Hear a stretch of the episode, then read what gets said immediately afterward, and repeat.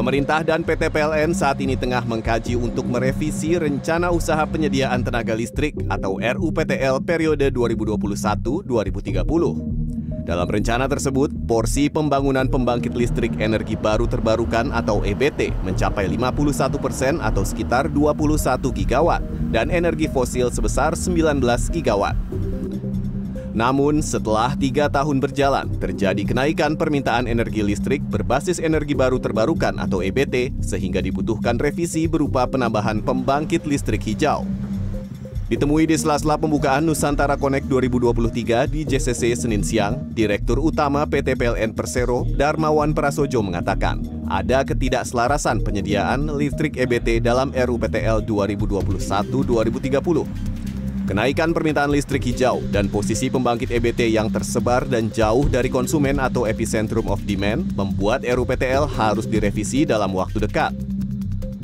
Nah, di RUPTL yang baru ini uh, kita petakan ada mismatch antara sumber-sumber energi baru terbarukan baseload dalam skala besar di daerah lokasi yang memang jauh dan juga scattered yang itu berpencar dengan lokasi dari demand. Nah, untuk itu dalam perencanaan RUPTL yang baru akan dibangun Green Enabling Transmission Line. Nah, untuk itu direncanakan ada penambahan 32 gigawatt energi baru terbarukan baseload akan masuk ke dalam ekosistem kelistrikan sampai di tahun 2040.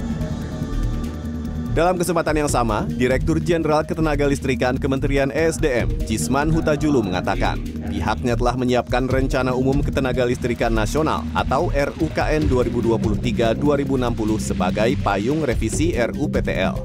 Kami sekarang sudah menyiapkan RUKN sebagai payung untuk RUPTL untuk semua wilayah usaha, tidak hanya PLN. Memang niatnya dari pemerintah, niatnya dari PLN sedemikian rupa sehingga sangat kuat untuk mendorong bagaimana apa namanya eh, emisi CO2 yang membuat bumi kita ini semakin panas. Bisa kita eh, kurangi di Indonesia paling tidak ya. Dengan menghadirkan tadi sudah disampaikan 75 persen sampai 2040 berasal dari EBT.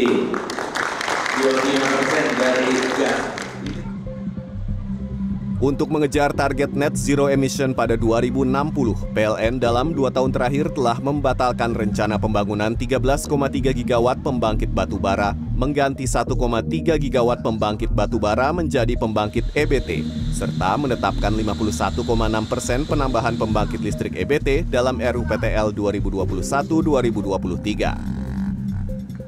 Berdasarkan data Kementerian ESDM, hingga semester 1 2023, kapasitas pembangkit listrik tenaga EBT tercatat baru mencapai 12,7 gigawatt. Angka tersebut baru mencakup 15 persen dari total kapasitas terpasang pembangkit listrik nasional sebesar 84,8 gigawatt. Agung Happy, Maranata, Jakarta.